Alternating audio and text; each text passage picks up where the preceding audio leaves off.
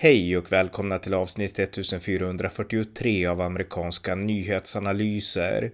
En konservativ podcast med mig, Ronny Berggren, som kan stödjas på swishnummer 070-30 28 95 0.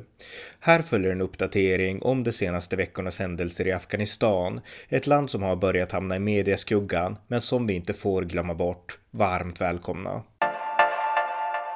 Ja, jag tänkte då uppdatera lite om Afghanistan och det har nu gått tre månader sedan talibanerna tog över Afghanistan från den av USA försvarade, upppackade, understödda och finansierade demokratiskt valda regeringen. Och det som hänt sedan dess, från att Afghanistan ändå har varit en nation som utvecklades i progressiv riktning för kvinnor, för individuell frihet och med ökat ekonomiskt välstånd, så har Afghanistan nu återigen förfallit till totalitarism, förtryck, eh, eh, hårda krig och eh, osäkerhet och djup fattigdom och stor mänsklig misär. Och eh, där är vi nu. Och världen har ju mångt och mycket börjat glömma Afghanistan, vilket är förståeligt. Men eh, jag vill fortsätta hålla ögonen på Afghanistan. Jag var ju en av de som förespråkade att USA och väst skulle stanna kvar i Afghanistan för att beskydda demokratin och för att fortsätta bekämpa talibanerna och eh, stå kvar och stå bi vid det projekt som väst och USA ändå har initierat. Och det är därför jag kommer att fortsätta de Afghanistan-poddarna. Kanske inte lika ofta som tidigare såklart, men någon gång per halvår i alla fall. Därför att jag tycker att det är viktigt att väst fortsätter bevaka tillbaka. Eh, ett land som vi ändå investerade 20 år i och eh, det är ju kopplat till USA på så vis att det var USA som i grund och botten initierade det här stora nationsbygget i Afghanistan. Så att här min, eh, ja, här är ny, den sista uppdateringen för i år om Afghanistan då. Och det senaste som har hänt sedan min förra uppdatering om Afghanistan, det är att Afghanistans banksystem håller nu på att kollapsa. Och eh, det är så här att världen har frusit mängder av bidrag och eh, banker och eh, ekonomiskt inflöde, likviditet till Afghanistan. Så bankerna har inga pengar att betala ut, inte ens till de afghaner som har, eh, har tillgångar. Men det finns liksom inga pengar att ta ut ur banken.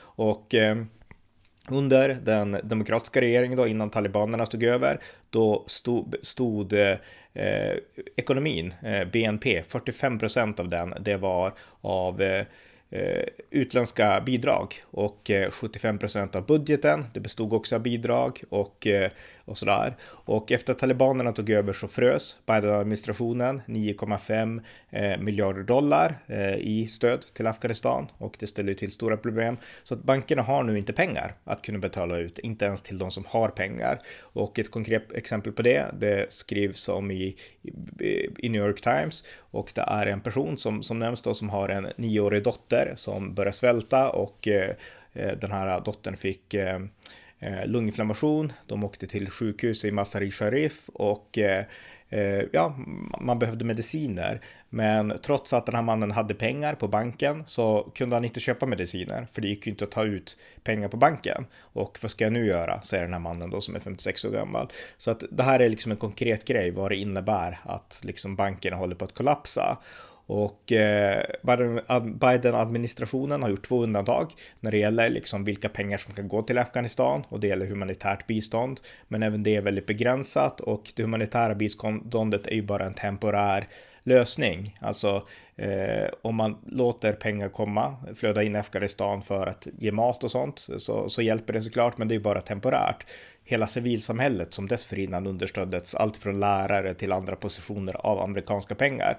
De har ju fortfarande ingenting som får det maskineriet i rullning. Så att Afghanistan lever nu på en, ja, de håller sig fast vid en livlina som är mycket svag. Men eh, situationen är väldigt svår för Afghanistan eh, på grund av de här sanktionerna och det börjar nu pressas från olika håll, eh, människorättsgrupper och liknande, att Biden-administrationen, de måste minska de här sanktionerna mot talibanregimen därför att annars så blir det en humanitär katastrof katastrof och eh, som kanske till och med kan bli värre än talibanernas brutalitet, sa John Sifton på Human Rights Watch. Eh, så att eh, det är lite om de problem som de här frysningarna av bank, bankerna innebär. Eh, men det är förmodligen också någonting som USA och världen betraktar som väldigt rationellt för att man inte vill att pengar ska gå till talibanerna. Eh, gällande ekonomin så var det ett program dock som den förra regeringen, demokratin, införde och det var att börja odla saffran i Afghanistan som ett alternativ till opiumodlingarna och sådär. Och eh, i synnerhet i Herat så har saffransodlingen blivit stor och där pågår den fortfarande. Och saffran det är det vi använder när vi bakar lussekatter och jul, julgrejer och sånt där. Och priset på saffran ökar och det innebär att det finns ändå en källa, en växande källa för ekonomin i Afghanistan, nämligen odlingen av saffran. Det här kommer ursprungligen från Iran, men eh, under den demokratiska regeringen för några år sedan så började man på allvar eh, odla saffran även i Afghanistan då. Och eh, männen odlar och kvinnorna sorterar ut saffran från, från de här växterna då och, och så. Så att, eh, och, och än så länge så får kvinnorna jobba med det, med att sortera saffran. Så att där har talibanerna ännu inte satt, liksom, satt stopp för kvinnornas yrkes, yrkesliv och det är bra.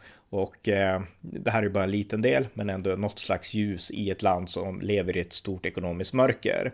Eh, en annan sak som det har att göra med det här mörkret som också påverkar mm, ja, brutaliteten som också innebär brutalitet. Det är att över hundra, olika, 100 afghanska säkerhetstjänstemän, säkerhetsarbetare som arbetar åt regering, de har blivit avrättade av talibanerna och eh, det här rapporterades av Human Rights Watch i en rapport den eh, 30 november och eh, många av de här människorna, de har blivit ja, mm, summariskt avrättade av talibanerna. De har tillfångat, vissa har tillfångatagits av talibanerna, vissa har kapitulerat till talibanerna i förhoppning då att de ska få leva, men talibanerna har låtit avrätta dem. Och det här är någonting som rapporteras tydligt av Human Rights Watch, men talibanerna själv förnekar att det här skulle ha hänt. Och nu kräver USA, EU och sammanlagt eh, 22 olika länder att eh, talibanerna upphör med att döda eh, soldater och de som arbetade för den tidigare USA-stödda demokratiska regeringen.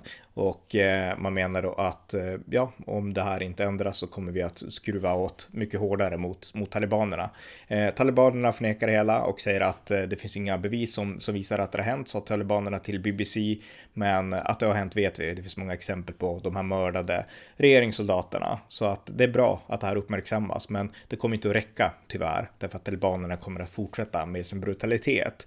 Eh, gällande synen på kvinnor så är det också en av de här orsakerna till att väst håller tillbaka det ekonomiska inflödet. Väst vill se Eh, en talibanregim som behandlar kvinnor bättre än man gjorde på 1990-talet. Och talibanerna har börjat inse att eh, vi står nu inför svältkatastrof som vi kommer att vara ansvariga för. Så att nu har man utfärdat ett dekret, en förordning om att kvinnor inte ska kunna tvingas till giftermål. När talibanerna började ta över och avancera Afghanistan, då kom det in många rapporter om unga flickor som eh, bara togs från sina familjer och vart bortgifta till någon ung talibankrigare.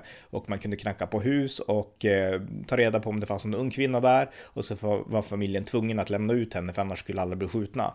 Eh, nu verkar talibanerna säga att så ska vi inte göra och kvinnor ska inte behandlas som ägodelar utan de måste godkänna äktenskap och sådär. Så att det är ändå ett, eh, en förordning som talibanerna har kommit med nu och det är bra. Samtidigt så får ju kvinnor fortfarande ytterst begränsade möjligheter till utbildning och arbeten och sådana saker. Men det här är ändå, ja, det är bra och det är en konsekvens av att väst pressar på skulle jag säga. Eh, nästa grej vi kan nämna, det är att Förenade Arabemiraten, det var ju dit som Afghanistans sista president Ashraf Ghani eh, tog sin tillflykt, eller han har tagit sin tillflykt dit. Eh, och eh, han eh, anklagades ju för att även ta med sig väldigt mycket pengar från liksom den afghanska statskassan som han, som han tog med och han har förnekat det själv. Men, men hur som helst, han har flytt och fått upp, upp, uppehålle, uppehälle i Förenade Arabemiraten, United Arab Emirate och eh, de har nu förbjudit honom, enligt rapporter, från att eh, så länge han befinner sig i Förenade Arabemiraten engagera sig i Afghanistans politik. Så att han får vara där på villkor att han inte engagerar sig i Afghanistans politik. Så att det är ju lite intressant. Eh, en annan person som också är en före detta president, Hamid Karzai, han intervjuades av BBC nyligen och han sa att vi måste nu samarbeta med talibanerna eh, och när jag var president så kallade talibanerna våra bröder och att vi är, vi är en del i samma, av samma land och vi måste samarbeta. Och han har sagt att talibanerna har nu gått med på att kvinnor och flickor ska få återvända till utbildningar och arbeten och så och det är ett tecken på att det här ändå går åt rätt håll eh, och sådär. Eh, anledningen till det är förmodligen att man vet att väst pressar på de här punkterna. Eh, så att det var lite om det.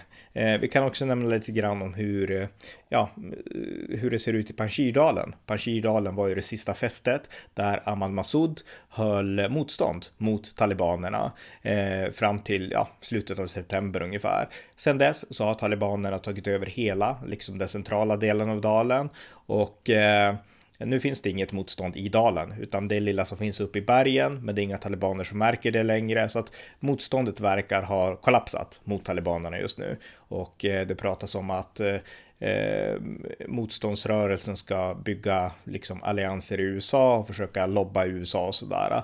Men som det är nu så, så är det här inte alls några likheter med Ahmad Samasoud, eh, pappan då till Ahmad Massoud. Det finns ingen stark motståndsrörelse i Panjshir just nu eh, och om den kan komma in då återstår att se. Det är förmodligen inte omöjligt att den här rörelsen kan göra comeback, men som det är nu så verkar det vara lugnt i dalen som kontrolleras av talibanerna som sätter upp vägspärrar och eh, 10 000 personer som flydde Panjshir. De har fortfarande inte kommit tillbaka och det råder stor fattigdom i Panjshirdalen. Människor svälter, även om FN har börjat kunna komma in med lite bistånd dit också. Men väldigt svårt även i Panjshir som var den sista, det sista området som, eh, som motståndsrörelsen lyckades liksom driva på och fortsätta kämpa mot talibanerna. Eh, fattigdomen i Afghanistan, det är att många flyr till Iran, grannlandet Iran i väst. Och eh, det här sker nu samtidigt som Iran repatrierar mängder av afghaner tillbaka till Afghanistan på grund av olika inrikespolitiska problem i Iran. Och man repatrierar inte bara de som har flytt från talibanväldet nu utan även de som har bott i Iran i 20 års tid. Så att det är fortfarande ett flöde in i Iran från Afghanistan samtidigt som Iran också skickar tillbaka otroligt många in i Afghanistan. Så att eh, komplicerat och det här har också lett till vissa konflikter vid gränsen och det uppstod en konflikt i Nimruz i sydvästra Afghanistan eh, för om det var en vecka sedan ungefär där talibaner hamnade i eldstrid med iranska gränsvakter och jag tror att det var ett antal talibaner som dog. Sen löste man det här diplomatiskt och man, man kom fram till att det har bara varit ett missförstånd. För talibanerna vill förmodligen inte kriga mot Iran och Iran verkar inte vilja kriga mot talibanerna heller. Så att eh, så ser det ut i alla fall. Så att det var lite om det.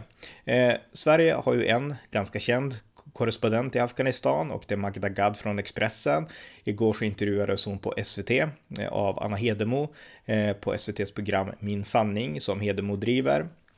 Och eh, ja, jag har ju följt Magda Gad en del. Jag har inte, jag, jag har chattat med henne och mejlat med henne lite grann och sådär också. Men eh, ja, jag är kritisk till väldigt mycket av hennes rapportering från Afghanistan. Jag tycker att hon har tagit en alldeles för antiamerikansk inställning och att hon inte har de här långsiktiga perspektiven på, Eh, på Afghanistan. Och i den här intervjun då med Anna Hedenmo som går att se på SVT Play så berättar hon att hon tycker att, eh, ja, hon menar att det var ingen demokrati i Afghanistan och att eh, kriget var fruktansvärt, alltså då under USAs 20-åriga styre eller ockupation av Afghanistan då, eh, så, så var det fruktansvärt och det var bara konstant krig ungefär.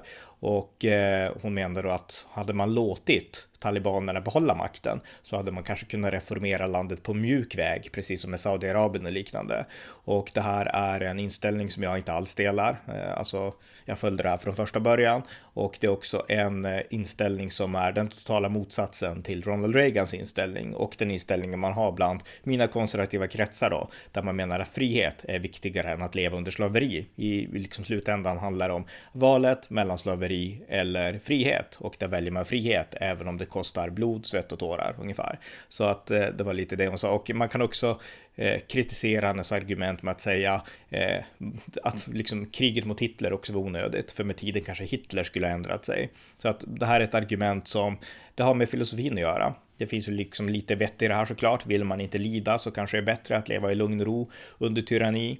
Men den filosofi som, ja, den konservativa rörelsen har i alla fall, det är ändå att kampen för frihet måste ha högsta prioritet. Och så kände också väldigt många afghaner, ska sägas, under liksom krigets initiala fas och även mm, efter det ungefär.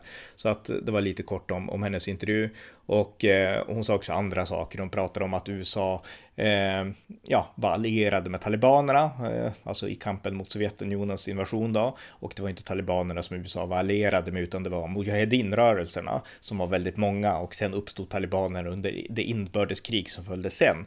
Och då hade USA redan lämnat. Eh, sen är det komplicerat, men, men det är inte så att USA backade talibanerna som grupp, så var det ju liksom inte, utan talibanerna är en fiende och eh, det var snarare då Mujahedin som leddes av bin Laden som USA stötte lite grann som sen ledde al-Qaida, så att eh, mer åt det hållet då i så fall.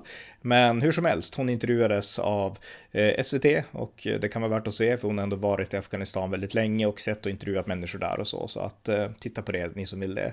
Eh, ja, eh, det var den här uppdateringen då om Afghanistan. Och som sagt, jag kommer att fortsätta rapportera om Afghanistan eh, även framöver, fast kanske inte lika ofta som tidigare. Det var avsnitt 1443 av amerikanska nyhetsanalyser. En podcast där amerikansk och internationell politik analyseras ur ett konservativt perspektiv. Stöd gärna podden på swishnummer 070-30 28 95 0 eller via hemsidan på Paypal, Patreon eller bankkonto. Det var allt för den här gången. Tack för att ni har lyssnat.